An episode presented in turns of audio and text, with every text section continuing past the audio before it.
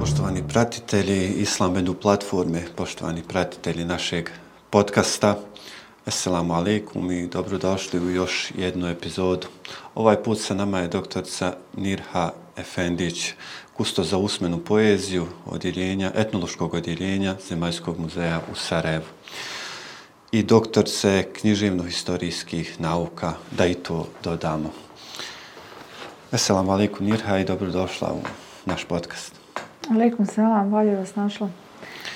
E, evo, drago mi da ste odvojili vrijeme, drago mi je da se nalazimo u ovom, u ovom prostoru, da tako kažem, na tvome terenu, jel, nešto što je tebi blisko.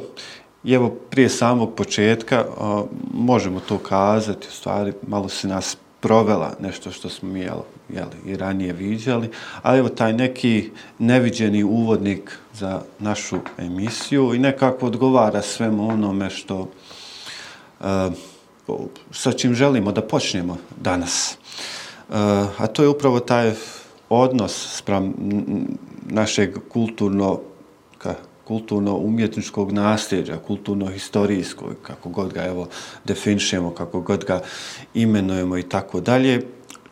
Često je taj odnos, jel, e, govorimo o tome da se komentariše negativnom kritikom takav odnos. Evo po nekom svom iskustvu, važno nam je ovdje i tvoja struka, važno nam je tvoje iskustvo u svemu tome. Zbog čega je to tako? Je li to institucionalna krivica ili je to neka vrsta individualne krivice, odnosno e, nečega što se nasljeđuje u porodici. Možda to možemo i tako definisati ili objasniti.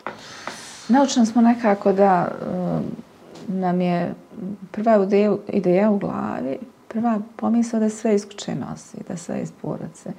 I da to negdje odgovornost pada na roditelje. Uh, kako podižu djecu, o čemu razgovaraju s njima, uh -huh. kako ih upućuju, da li ih odvode u neke institucije na vrijeme ili ne odvode, ili imaju možda strah od institucija neki, što i to razumilo.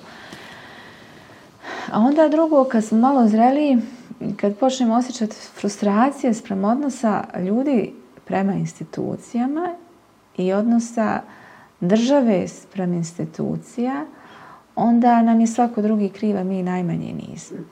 I onda u trećoj fazi počnete razmišljati, Bože, šta su to institucije? Šta je institucija kao kategorija? Uh -huh. Ko čini instituciju? Ko čini državu? Je li država neki egzogeni, egzogeni faktor ili smo mi, ja i ti, ja sam, mi smo država, jel, jesmo? E, onda e, čovjek dođe do zaključka da su svi pomalo krivi i svi pomalo nevini. E, ali vratimo se opet čovjeku individu jer je to jedini mogući put dojma se.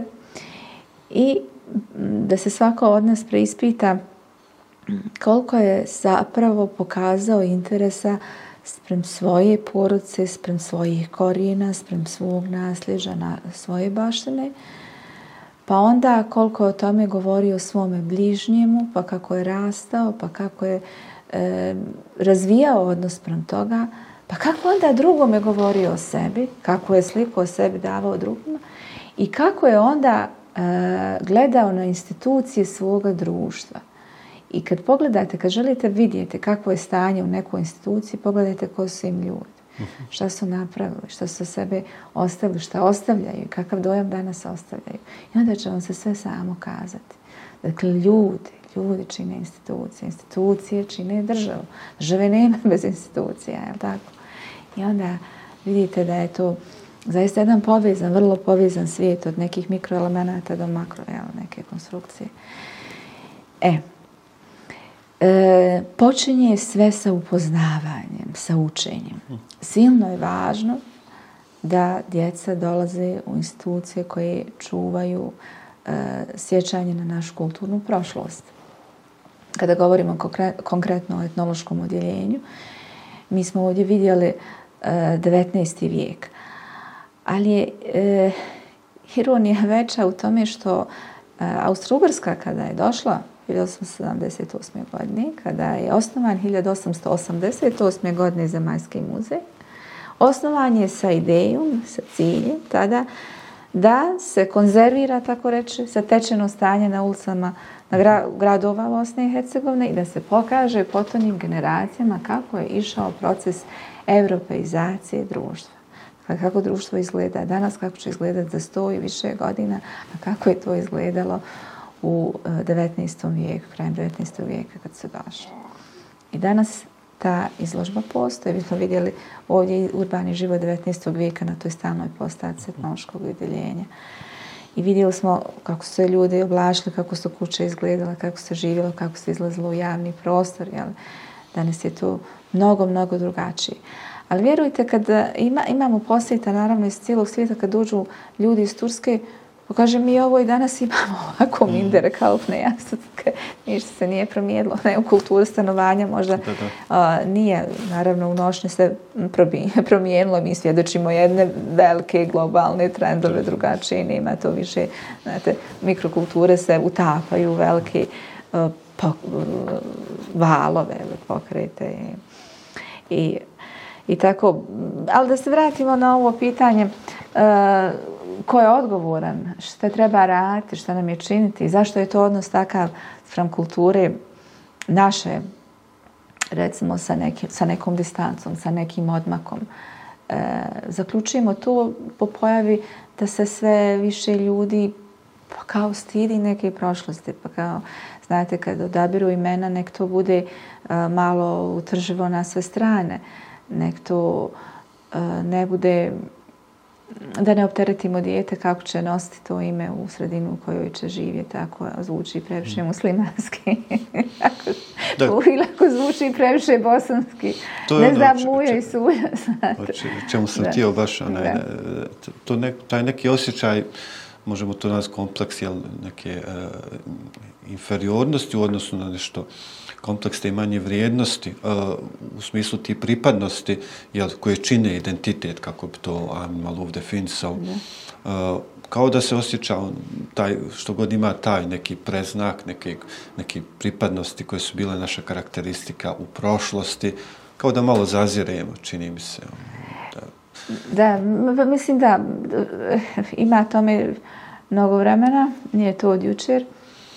E, negdje sigurno 200 godina pa od povlačenja Osmanskog carstva mi nosimo taj kompleks mi koji smo ostali ovdje a koji nam stavljaju na teret velikog grijeha ili izdaje a, a našeg prihvatanja islama koji se ne uklapa u ovaj dio evropskog svijeta. I mi smo platili cijenu toga mnogo kroz razne ratove, kroz genocide. A, pamtimo ovaj jeli, iz posljednjeg rata agresije druge i pete. I Srebrenici su tu najveću dramu našeg naroda. Ali ja se sve nekako nadam e, da je e, upravo Srebrenica sa memorialnim centrom, sa tom važnom institucijom koja jako dobro radi sad na čelu Svemirog suda, e, da će to postati jedno mjesto refleksije, jedno, mjesto, jedno veliko učilište, jedna tačka koja će imati vječnu vrijednost i da će to opominjati, kao što danas opominje nas i mnoge generacije sutra, e, da e, se mm, neke stvari ne smiju i ne mogu ponoviti, da ne smijemo, naime mi, dozvoliti tu slabost. A sad, znate, imate uvijek e, ljude koji se osjećaju silnimi, jakim i snažnim i koji hoće da tu svoju silinu i snagu i e, preimuštvo e, na razne načine zadrže i prošire. To su, mislim, vjekovne tenzije, to je stalan jedan osjećaj kod, kod velikih i e, koji proizvodi onda kompleks manje vrijednosti inferiornosti kod onih manjih, ma, mhm. malih.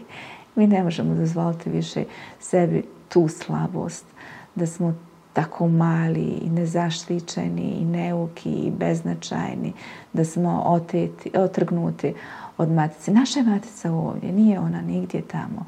Ona je ovdje, mi pripadamo ovoj zemlji, mi smo slavenski narod. Naša je odluka da prihvatimo u kulturnom smislu, vjerskom islam, mislim, to je bilo naše pravo, jel? ali mi smo ovaj narod koji ima svoju zemlju koja mora štititi i braniti. Makoliko smo mali, ako smo dosljedno predani toj svojoj borbi, ideji, da čuvamo svoju kuću, svoj dom, svoj integritet i čast, to ćemo i uspjeti. To smo vidjeli na nizu primjera. Često kažem kako je Nana Fata Orlović moja najdraža heroina. 25 godina ona se nosila sa raznim nevoljama, e, sudovima, optužbama. Na kraju kada je sud u Strasburu donio presudu i krajnji rok 20. aprila 2002. godine da se izmesti crkva bespravno izgrađena na njenom dvorištu. I to se odgađalo. Na kraju dočekala ipak. Evo imali smo priliku da uh, Eh, ove godine, 21. korona je pomjerila, ili je bila izgovor da pomjeri neke rokove. Ona je to dočekala ipak. Znači, posle 25 godina da svoju borbu, svoju avliju, svoj, svoj dom odbrani. Treba biti uzor ona mnogima. Dakle, to je jedna žena koja nije prošla školu, nije prošla formalno obrazovanje. Institucija ona bila vrlo svjesna sebe i svog e, porijekla, identiteta svoje imovine i u tom smislu može da bude uzor drugima. A posebno onima koji su imali priliku da, da prođu formalno obrazovanje i koji su kroz to obrazovanje mogli da vide e, svu ljepotu, raskoš, e, posebnost svoje kulture, svoje prošlosti, svog identiteta pa i vjerskog. Ja. Da, mislim da je ključno evo ta prisvojna zamjenca jeli, e, e, svoj, e, dakle njeno, Fatino, govorimo o pojedincu u stvari, da. govorimo o toj njenoj borbi u odnosu prema onome što jeste njeno, ali evo, kako si i naglasila i drago mi je da si to posebno istakla, institucije da, ali te institucije, odnosno zajednice, zajednicu čine pojedinci. Jel? Naravno, I ta naravno. neka odgovornost se prelijeva iz, onaj, u tim nivoima. Evo, spomenula si i taj rad za Srebrenicu danas. Mm -hmm. moje neko lično mišljenje je da, da konačno, evo, ovih par zadnjih godina, e, stvori, stvara se dojam da se konstantno cijelu godinu govori o Srebrenici. Konačno. Konačno go, govori se. Konačno, upravo to. E, sada bih prešao na nešto što je i dalje jel, u okviru o, o, u okviru tvoje tematike, onoga o čemu inače jel, e, govori, što je, evo, dakle, pisano nasljeđe ima svoj nemjerljivi vrijednosti kontekst, no s obzirom jel, da se bavila usmenim nasljeđem našeg podneblja, dakle, tom usmenom lirikom, e, koja predstavlja samo po sebi vrata na intimnije veze čovjek, jezik, čovjek, tako bih onaj to mm. rekao. U kojem smjeru nas vodi takva tradicija, na koje vrijednosti nam upravo takva tradicija ukazuje? E sad možemo razgovarati o tome, e, mi smo imali e, i imamo dan danas, jeli, nosimo to svoje nasljeđe, izuzetno bogatu e, usmeno-književnu baštinu. E, to je jako razvijena kultura usmenosti koja je bila predisponirana nizom drugih okolnosti. E, iz razloga što je naše e, srednjovjekovno pismo Bosančica je bila potisnuta malo e, dolaskom, dolaskom najprije Osmanske carevne i Osmanskim pismom, koja je bila zvančna velika e, država gdje su se e, ljudi e, i mučniji elite školovali diljem ili oni koji su eh, željeli jeli, većih centara Osmanskog carstva. Danas to ljudi rade i odlaze u velike centre evropske eh, pa da bi dobili bolje obrazovanje. Dakle, skrajnut je bio jezik i skrajnuto bilo pismo, a onda je ova pučka ili narodna eh, književnost napredovala u smislu usmenog prenošenja, jer je to bio takav ambijent, takve okolnosti, zakle su bile e, povoljne da kažemo da se razvija e, ta usmena e, književnost ljudi koji nisu bili pismeni, evo da kažemo imali formalno pismeno znanje. I ona je trajala, prenosila se s koljena na koljeno i u neka doba nije to samo i kod nas i, i, i šire, ne, ne samo na Balkanu, nego, nego i kod germanskih naroda, e, negdje već u, ne znam, e, 17. stoljeću imate e, prvo zapažanje 18. fenomena usmene književnosti, pa velika Herderova zbirka.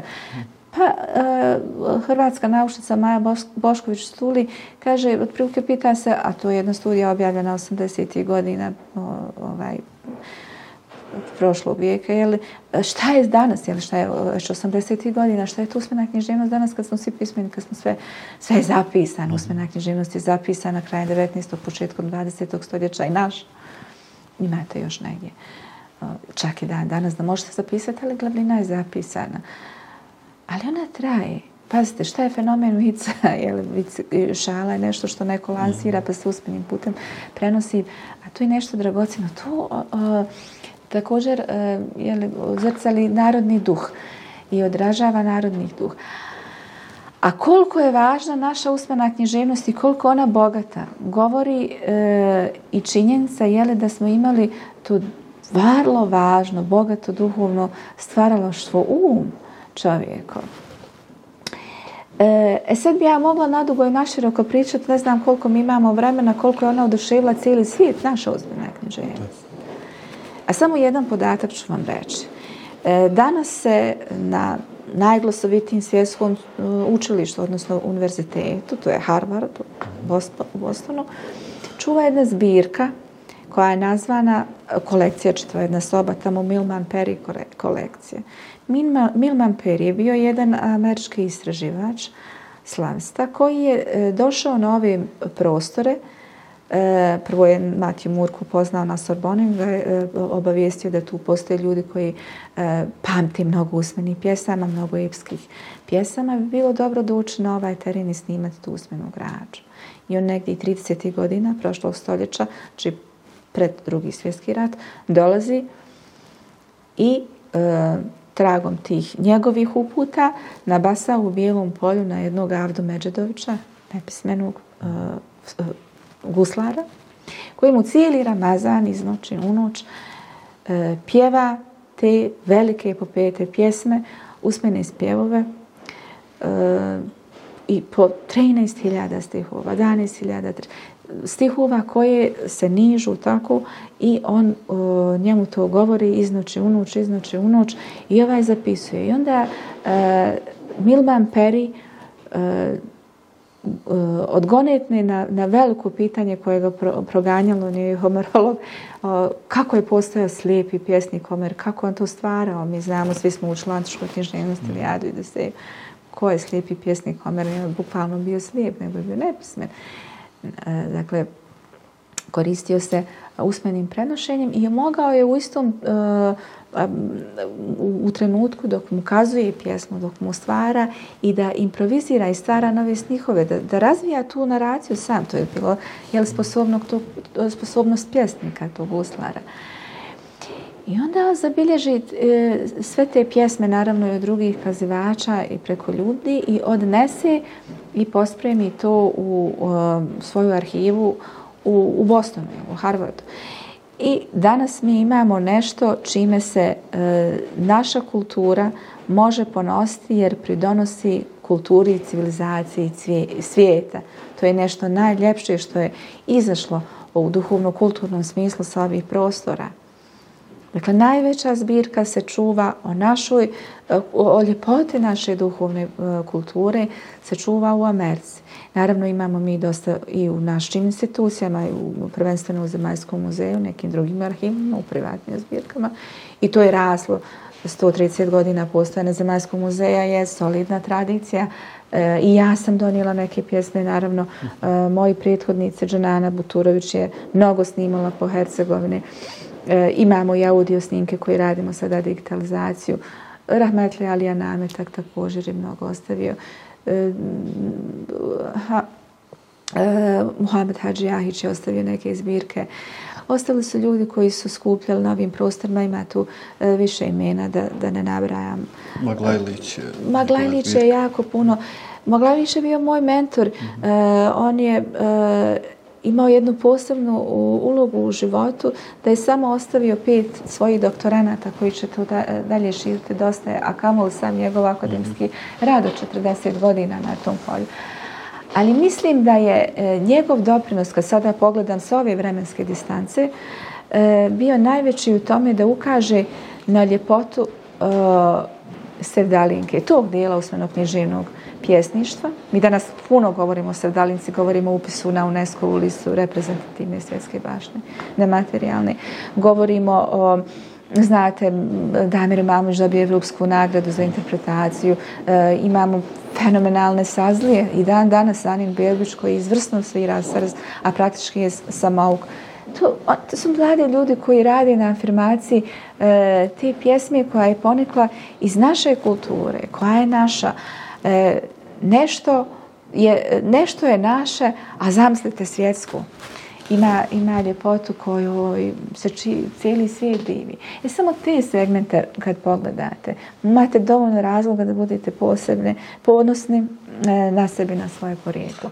A da ne govorim sve drugo što treba naučiti. Dio našeg bića je kao jel, cijelokupni elementi, ali evo kada istražujemo, jel, kada, kada to rašlanimo u stvari, govorimo mnogo, mnogo više, evo i kada govorimo o usmenoj poeziji, konkretno evo i, i sevdalinci i tako dalje. E, ono što me ovdje interesuje, je evo, možda se naslanja, možemo to nasloniti na sevdalinku, no svejedno je generalno što se tiče usmene e, e, e poezije, e, E, obilo je različitim jeli, e, motivima, a možemo to govoriti u kontekstu ukupnog književnog izražaja našeg naroda, ali evo konkretizirat ćemo različitim motivima, među njima mnogo religijskih motiva. Osim toga što to govori o pozicionira, pozicioniranosti religije, e, same religije islama, jeli, u, u to doba, u tom kontekstu, govori li to o nekoj didaktičkoj vrijednosti re, e, evo, religije, o didaktičkoj vrijednosti takve vrste književnosti, korištenjem takvih religijskih motiva? Pa ste imate u, u segmente koji govori više, recimo spavanka, da, i kako ima didaktičke, ona je izuzetno, najviše. Možda se Dalinka ne toliko, jer sam je, to je naprosto drugi žanr, druga vrsta pjesme. Da. E, kada govorimo konkretno o Sevdalinci, onda moramo imati na umu da je to ljubavna pjesma, da ona govori o ljubavi, ali e, o, o, najprije o čežnjim. Pa možemo je negdje tamo porediti sa uzritskim gazelom kod, recimo, u, u arapskoj književnoj tradiciji. Zašto? Zato što, što je sreća e, tamo otprilike dok se, de, do, dok se čeka, on se dešava dok se čeka, ako se ostvari, onda je čovjek dosanja, onda ostaje prazan, onda to više nije sevdalinka, niti je više uzritski gazel ako, mm. ako ima tu željenu osobu. Eto tu je negdje otprilike ta, znači, uh, jedna akumulirana energija koja se dešava i, i razvija u toj, u toj čežnji. A kada je riječ o, recimo, u spavankama, one imaju didaktičku vrijednost. E, mnogo je i lahija bilo u funkciji uspavanke, spavljivala su se djeca i pjevala se tako i lahije. E, ima ona jedna po kojoj je Džemaludin Latić napisao Zaplakala Hurija Razija, a to je po uzoru na, na jednu narodnu uspavanku. I ima ona ilahija, kad ja pođoh u džamiju La ilaha ilala, sreti mene naš pegamber La ilaha ilala, i se poslije svakog stiha dodaje pri, pripjev uh -huh. u formi šehadeta. Šehadet je formula koja kaže da nema drugog Boga osim Allaha i mi po našem vjerovanju znamo da su te riječi posljednje koje trebaju biti izgovorene na mhm. ovom životu. Dakle, da idemo tamo u onostranu uh, sa tim riječima, a također postoji vjerovanje da je zalazak u svijet onostranog mala smrt, jel da, da, da. postoji neizvjesnost, hoćemo se kada probuditi i vratiti, pa evo, neka idemo i u san sa tim riječima la ilaha ilala. Dakle, to su te islamske didaktičke vrijednosti koje ima obiluju uh, u spavanke. Možda se može naći u nekim drugim vrstama, možda uh, u porodičnim pjesmama, gdje e, je porodica, dakle, tema ne samo okvir dešavanja, jer vi možete okvir porodice naći u, drugi, u epskoj poeziji, u epsko-lirskoj, odnosno ovoj lirsko-narativnoj. Hasan Agenca je, jeli, okvir je e, porodica. Ali ovdje su kod, kod e, ovih e, porodičnih pjesama koje se ostvaruju u rasponu od 5 do 15 stihova u principu, u najvećem broju slučajeva, je porodica e, tema. I tu imate odnos recimo e, brata Seke, dva brata Snahe i Svekrve, gdje otprilike recimo jedno nepisano pravilo da kažem Svekrva ako želi da zaruži snahu, nije lijepo da je zaruži mm. direktno, zaružit će svoju kćerku, jel, mm -hmm. to je mhm. direktno onda... Kćerku kara, snahi prigovara. Tako je prilike, mm. da. Ali isto tako smatra se ne, ne, nepristojnim. Ako majka hvali svoju kćerku, treba da pohvali snahu, a kćerka će se pohvaliti sama, odnosno inače se pohvaliti nju i tako. To, to, to, to, to, to su te neke, jeste, koji nas uče. A, interesantno je to je ono što je li iščitava, ima stvari koje iščitava iz, između redova u suštini, nešto što se uh, naslanja na neku drugu tradiciju. Kao što je, jel, često se govori evo, o Sevdalinci da je nastala na, uh, na formi melodičnog učenja Kur'ana. To, i to neko poravno pjevanje i, e, vidite, kad je riječ... teđvid. I ljudi prepoznaju u tome, jeli, neki koji su prepoznaju teđvidska pravila, pravila učenja Kur'ana kroz... E ovako, Hasane, kad je, kada je u pitanju Sevdalinka, naravno poravni mekam, to je e, nešto što prvo kažu svi i sazlije. Nedavno sam radila digitalizaciju nekih snimaka iz e, 82. Godine i tamo je pjevala jedna e, Zuleha Pašalić iz Tešnja koja je fantastično, fenomenalno otpjevala. Naravno, ona svojim glasom, bez ikakve instrumentalne pratnje, E, nekolike pjesme. To je bila rapsodija za uho, divota se slušati. I ona govori da ona to tako pjeva poravno i pjeva. E, e onda posle nje sam ču, slušala sazlije koji isto to e, govore.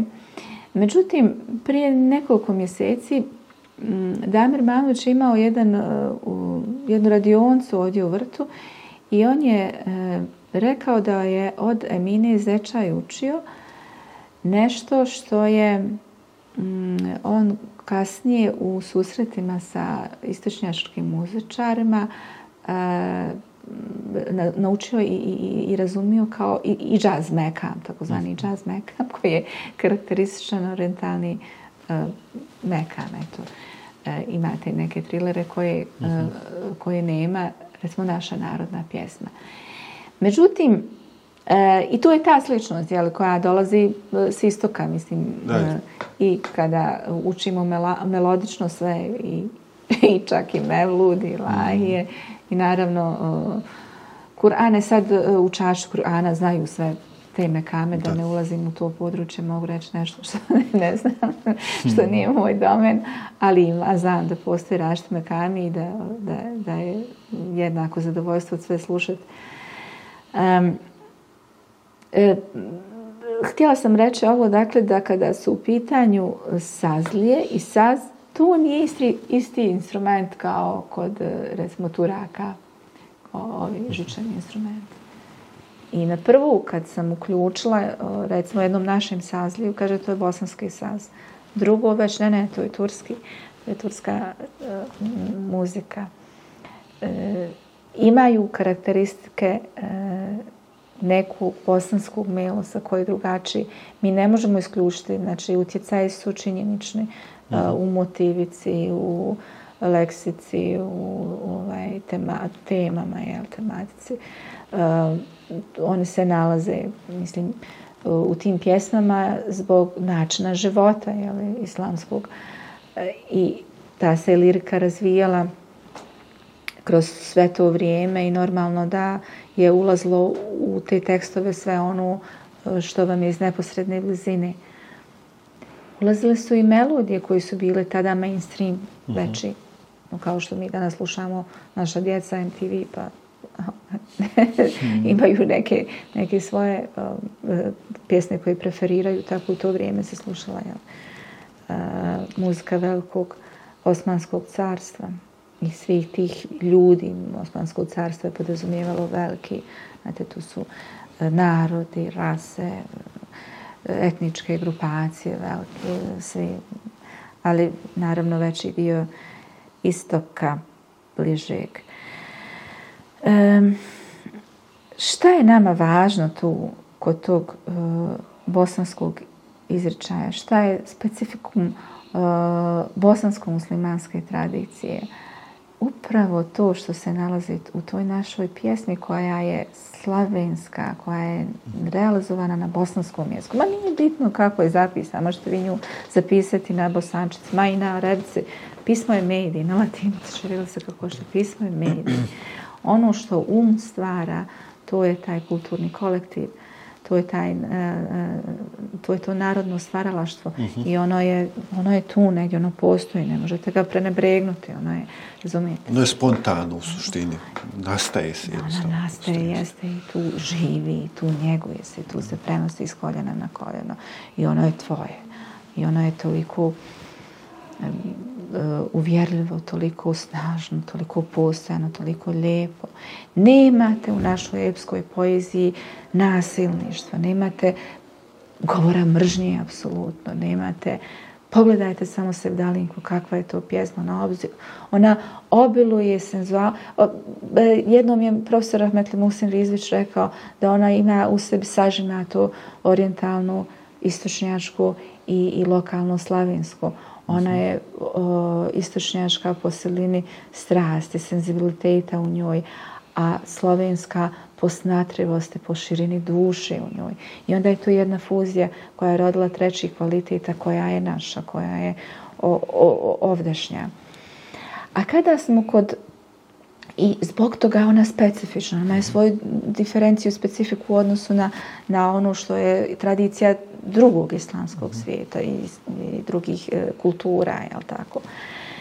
E, kada je u pitanju e, ova poezija, pa, e, recimo da je pratimo od srednjeg stoljeća, da imamo prve pisane tragove od srednjeg vijeka, od kasnog 1570 peta je godina prvog bilježenja, prve pouzdane vijesti koja nam dolazi iz Splita. I to je jedno događanje e, koje je zabilježio splitski knez i slao izvještaje senatu u Veneciji na pazaru u proljeće, dakle te davne 1575. godine.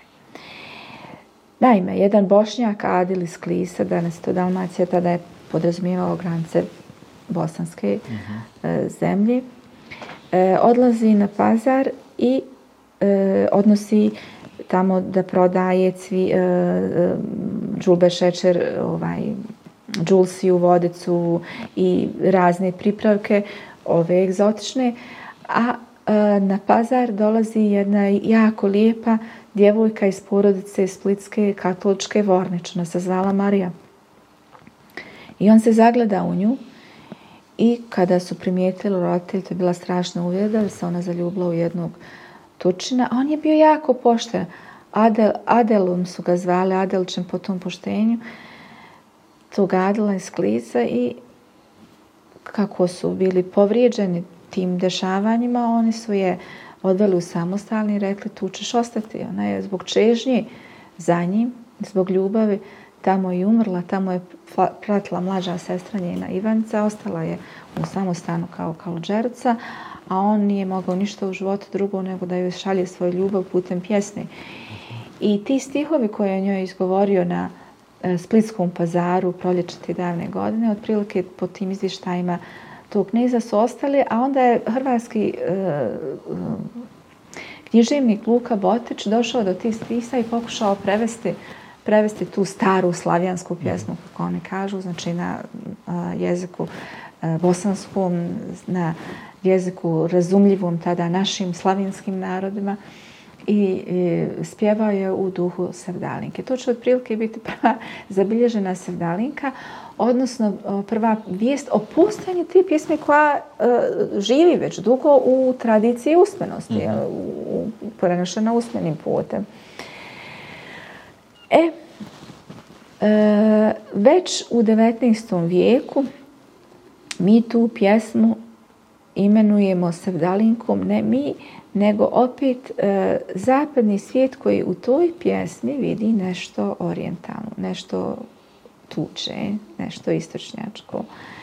I u trenutku 19. vijeku, kada dolazi sada jedna druga carevna ovdje, jedna druga, drugačija civilizacija, ona ovaj prostor vidi kao egzat, egzotičan, orijentalni i želi ga evropeizirati jer geografski smatra da pripada pripada uh, nečem drugom i činjenica je da pripada evropskom kontinentu.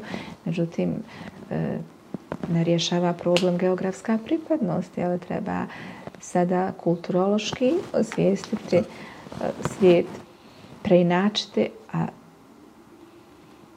kako je moguće poslije I to je proces. 500, to je naravno, proces. to je proces kako je moguće poslije 500 godina vladane odnosno života nekog drugačije. Kao što nije ni išao proces islamizacije preko noće, odnosno i primanja islama stanovništvo tekao je, tekao je, tekao je godinama. Imate pojava da je u jednoj porodci bilo dva sina, jedan je uh, pravoslavni i jedan musliman. Mm. Znate, pa je se zove ovako, jedan ovako. Pa jedan želi da ide, da napreduje, želi da, da prihvati to i ode ovaj, ostaje tu taj sa, sa pravoslavnim imenima, pa se onda onaj e, odluči da i on se promijeni ili se ne promijeni, pa onda imate slabljenje, 17. stoljeće već mnogo slabi Osmansko carstvo, pogotovo 18. 19. je već gotovo razoreno.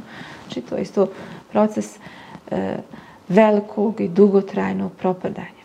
I kada govorimo o propadanju, meni često o, pitaju kako u ovoj instituciji Zemaljskog muzeja, a mi smo paradigma Bosne, jel, ja kažem se više propadamo, a propasti nećemo. Nije lako ni propasti vjerovatno postoji ta neka tačka od koje se ide, dugo ide dole, da tako da. kažemo. Da. No, evo, trudimo se da idemo ipak naprijed i kada govorimo naprijed, govorimo, još malo ćemo se dotaći uh, usmene poezije, uh, malo prije se to uh, dijelimično načela. Kakva je budućnost evo, usmenog u svijetu, sve prisutnog, brzog zapisivanja slovom, zvukom, slikom, uh, ili je bolje pitanje shodno zahtjevu vremena kako usmjeriti vrijednost usmenog, dakle u pravom smjeru neku.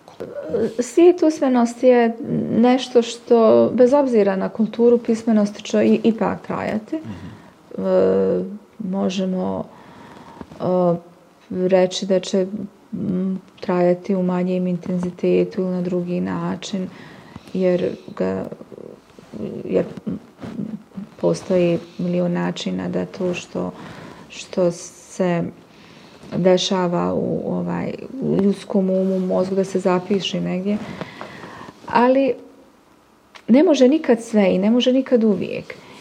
I um, ima ono svoju, uh, mislim, uh, važnost i snagu i treba mu dati prostor da, da, da postoji i da se razvija.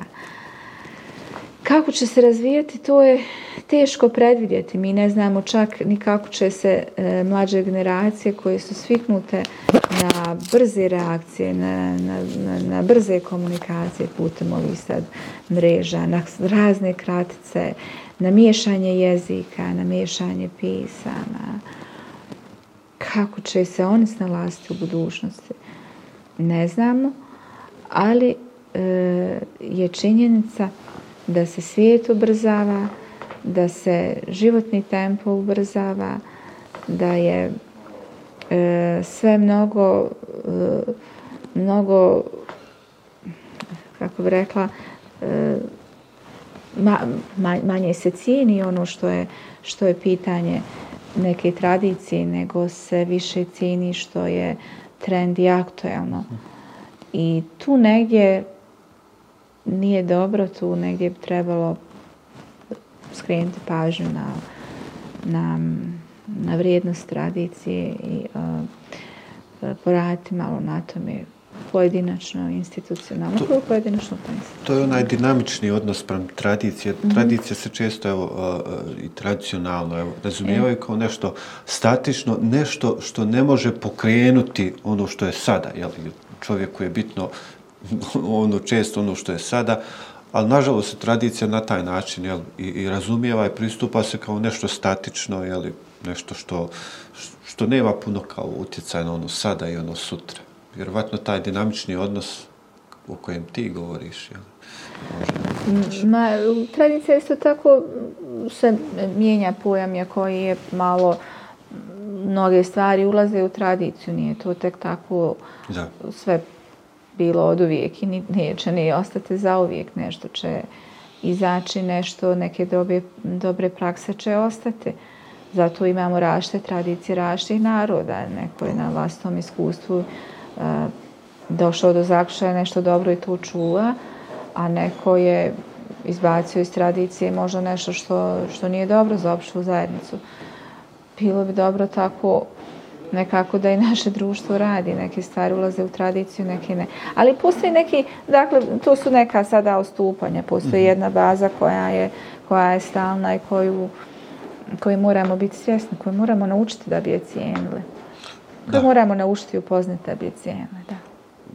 Mislim da se potrebila pravo baza, postoji ta baza jel, koju se moramo mm. okretati. Da. Uh, Evo možda time da završimo, vraćamo se na, na neki, na početak u suštini, ali u sljedećem, kada se govori o kontekstu položaja mladih u našoj zemlji, često, uglavnom se govore, a generalno kada su pitanju svi građani, ali evo namjerno ističe mladi, govori se o problemima socioekonomske prirode. Čini mi se da, evo, da se ti neki uh, kulturni, ali društveni ti neki faktori u tom e, smislu ostavljaju po strani Eh, Ostavili se po strani kao faktori koji ne mogu utjecati toliko na poboljšanje kvalitete života. Nažalost, mi, mi evo, nažalost, smatram da suviše uh, mjerimo kvalitetu života ekonomskim uh, uh, mjerilima, ali čini se da se ostavlja po strani jel, utjeca, evo, ovaj, kulturno-umjetnički. Kako to promijeniti? Jel, da, pok da se pokaže u stvari da, da upravo ovaj odnos, to neko poboljšanje odnosa sprem, sprem nasljeđa, sprem onoga što imamo, sprem tradicije, može promijeniti pristup, jel, evo, pri, uopće pristup u države, pristup u društvu, poboljšati u stvari kvalitetu života i mladi, svih. Da, to je ovaj, trebalo bi biti pri, pitanje principa naprosto. E, bojim se da se sve više ljudi rađa i odgaja u ambijentu gdje je samo bitno da se snaže, gdje je bitno da se čuva vlasti komfort, da se duže do nekog novca i da se tu mm, jednostavno tako živi, da, da, da nema svetinja, da to je sve drugo manje važno. I uopšte im tom uh, grabež, kako rekao, grabež i uopšte im uopšte je potrebi da se, da se vlasti komfort zaštiti, da se mhm. nema osjećaja sprem onoga drugoga, da se nema empatije, zapadamo u jedno, jedno totalno bolesno društvo kao kolektiv. Tu mora svako poraditi prvo na sebe. Znate, čak i kod ljudi koji nisu naslijedili e, vjerske vrijednosti i to strpljenje koje vjera nalaže, to milosrđe koje vjera nalaže, e, E, poštovanje starijih i tako dalje, imaju neki etički urođeni minimum gdje mi svi vrlo dobro znamo kad griješimo i svi vrlo dobro osjećamo kad nešto trebamo. Samo je pitanje potiskivanja tog osjećaja, ignoriranja tog nečeg, nečega u stomaku koji nam signalizira da nešto trebamo uraditi. Ne. Ajde, mislim, banalan primjer, poradi, po, po, polazimo pored migranata, jučer smo mi svi bili neki migranti, jučer smo mi svi bježali od toga danas često oborimo glavu da ne gledamo tuđi jad.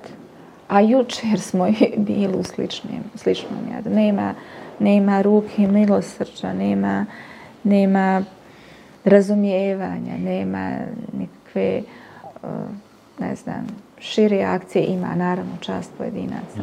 Da se pomogne ljudima, da se, da se jednostavno e, pokaže saosjećanje u nevolji.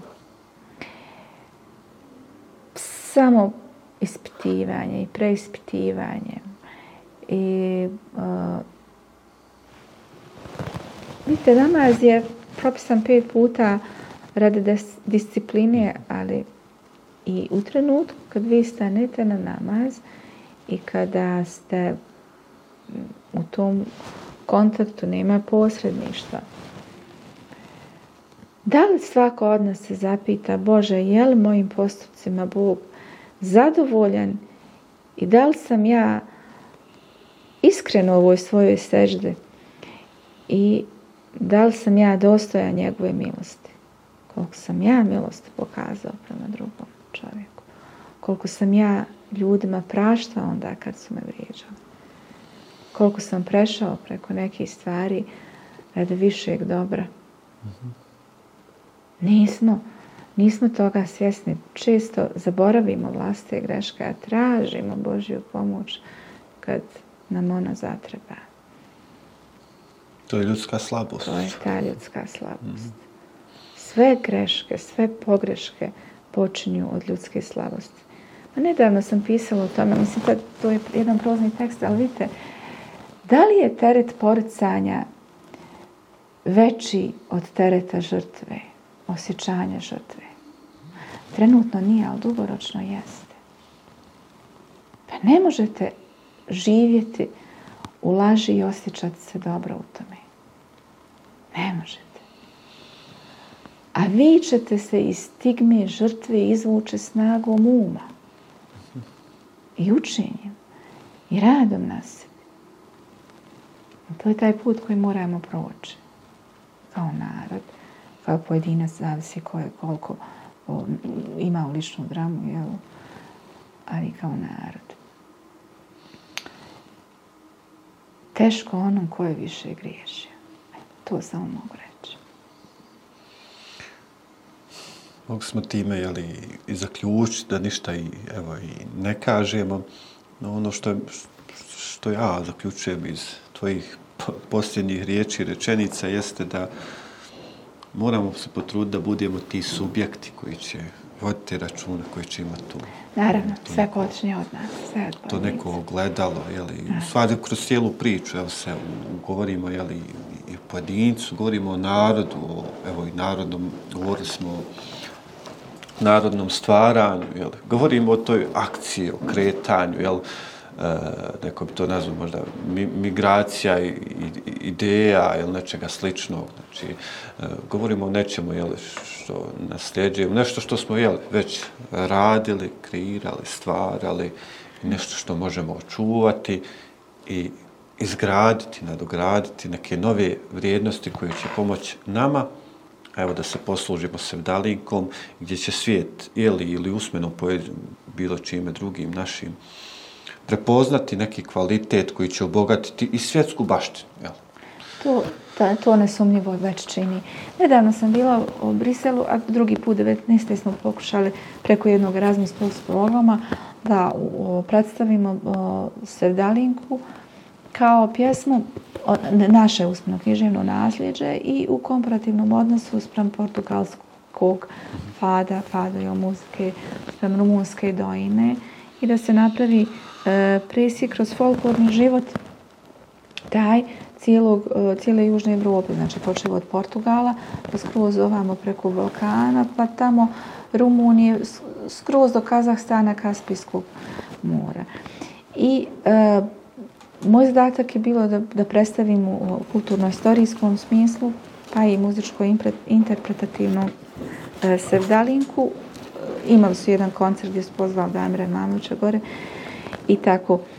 I e, onda sam ja, pošto je to veliki projekat bio i treba napraviti jednu veliku izložbu, krenuo jedan projekat da najprije ovdje E, predstavim sredalinku i da istražim sve od tog susreta, od tog 15. stoljeća, sve do danas razvoj, interpretaciju, pjesme, e, zbirke, da se napravi jedna velika i ozbiljna studiozna izložba o tome.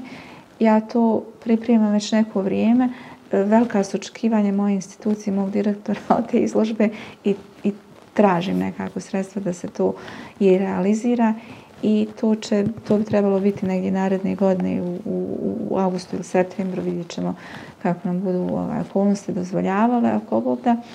E, tu bi onda voljela da pozovem svijet da vide, da vide dakle, naš svijet, naša djeca, naše škole, da vide koliko je zapravo taj naš biser, to naše lijepo pjesništvo, Znači, u ljepotu Munima Glajlić ukazao među prvima, možda ovdje našim istraživačima i na tomu beskrajno hvala. Velika je zasluga njegova na tome. Njegova je prva magistarska radnja u Zagrebu 70. godina bila muslimanska e, usmena ljubavna pjesma Sedalinka. Da pokažem, dakle, to nešto što je zadivilo svijet, što dan danas ima svoje ljubitelje sve više i više. Dakle, ne prestaje, nego se samo ti ljudi koji se upoznaju s tom pjesmom, sve više oduševljavaju njome. Imala sam istraživačicu iz e, Švicarske, iz Belgije, iz Španije.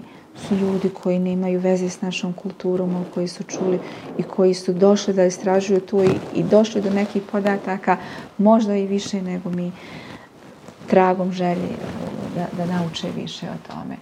Dakle, ako imamo nešto što je naše e, toliko lijepo, da budemo još više ponosni na to i na to, e, da, da, da to čuvamo. Eto. Evo, ti, tu su dakle neki mali koraci koji e, govore o, o tome koliko mi, zapravo svako od nas individualno treba e, poraditi na sebi, na, na tome, preispitivanju koliko zna o sebe i koliko možda još više treba da nauči i onda otprilike da vidi kako može kako može iz te ljepote crpiti pozitivnu energiju. Znači, kako zračiš, tako i privlačiš. da, da tom pozitivom e, ljudi zrače i da jednostavno to bude nešto što će im oblikovati živote, pozitivan pogled na svijet. Iz toga se rađaju dobre stvari, dobri pokreti, dobre možda promjene koje će u konačnici donijeti dobro svima. Neka to bude poruka za kraj. Mira, hvala ti mnogo. Hvala, hvala vama, eto, meni isto jako lijepo bilo s vama. Evo, nakon nekoliko sedmica dogovora uspjeli smo ovo evo, dovesti i, i do kraja i tako dalje. Poštovani pratitelji našeg podcasta, naredne epizode, Esselamu alaikum.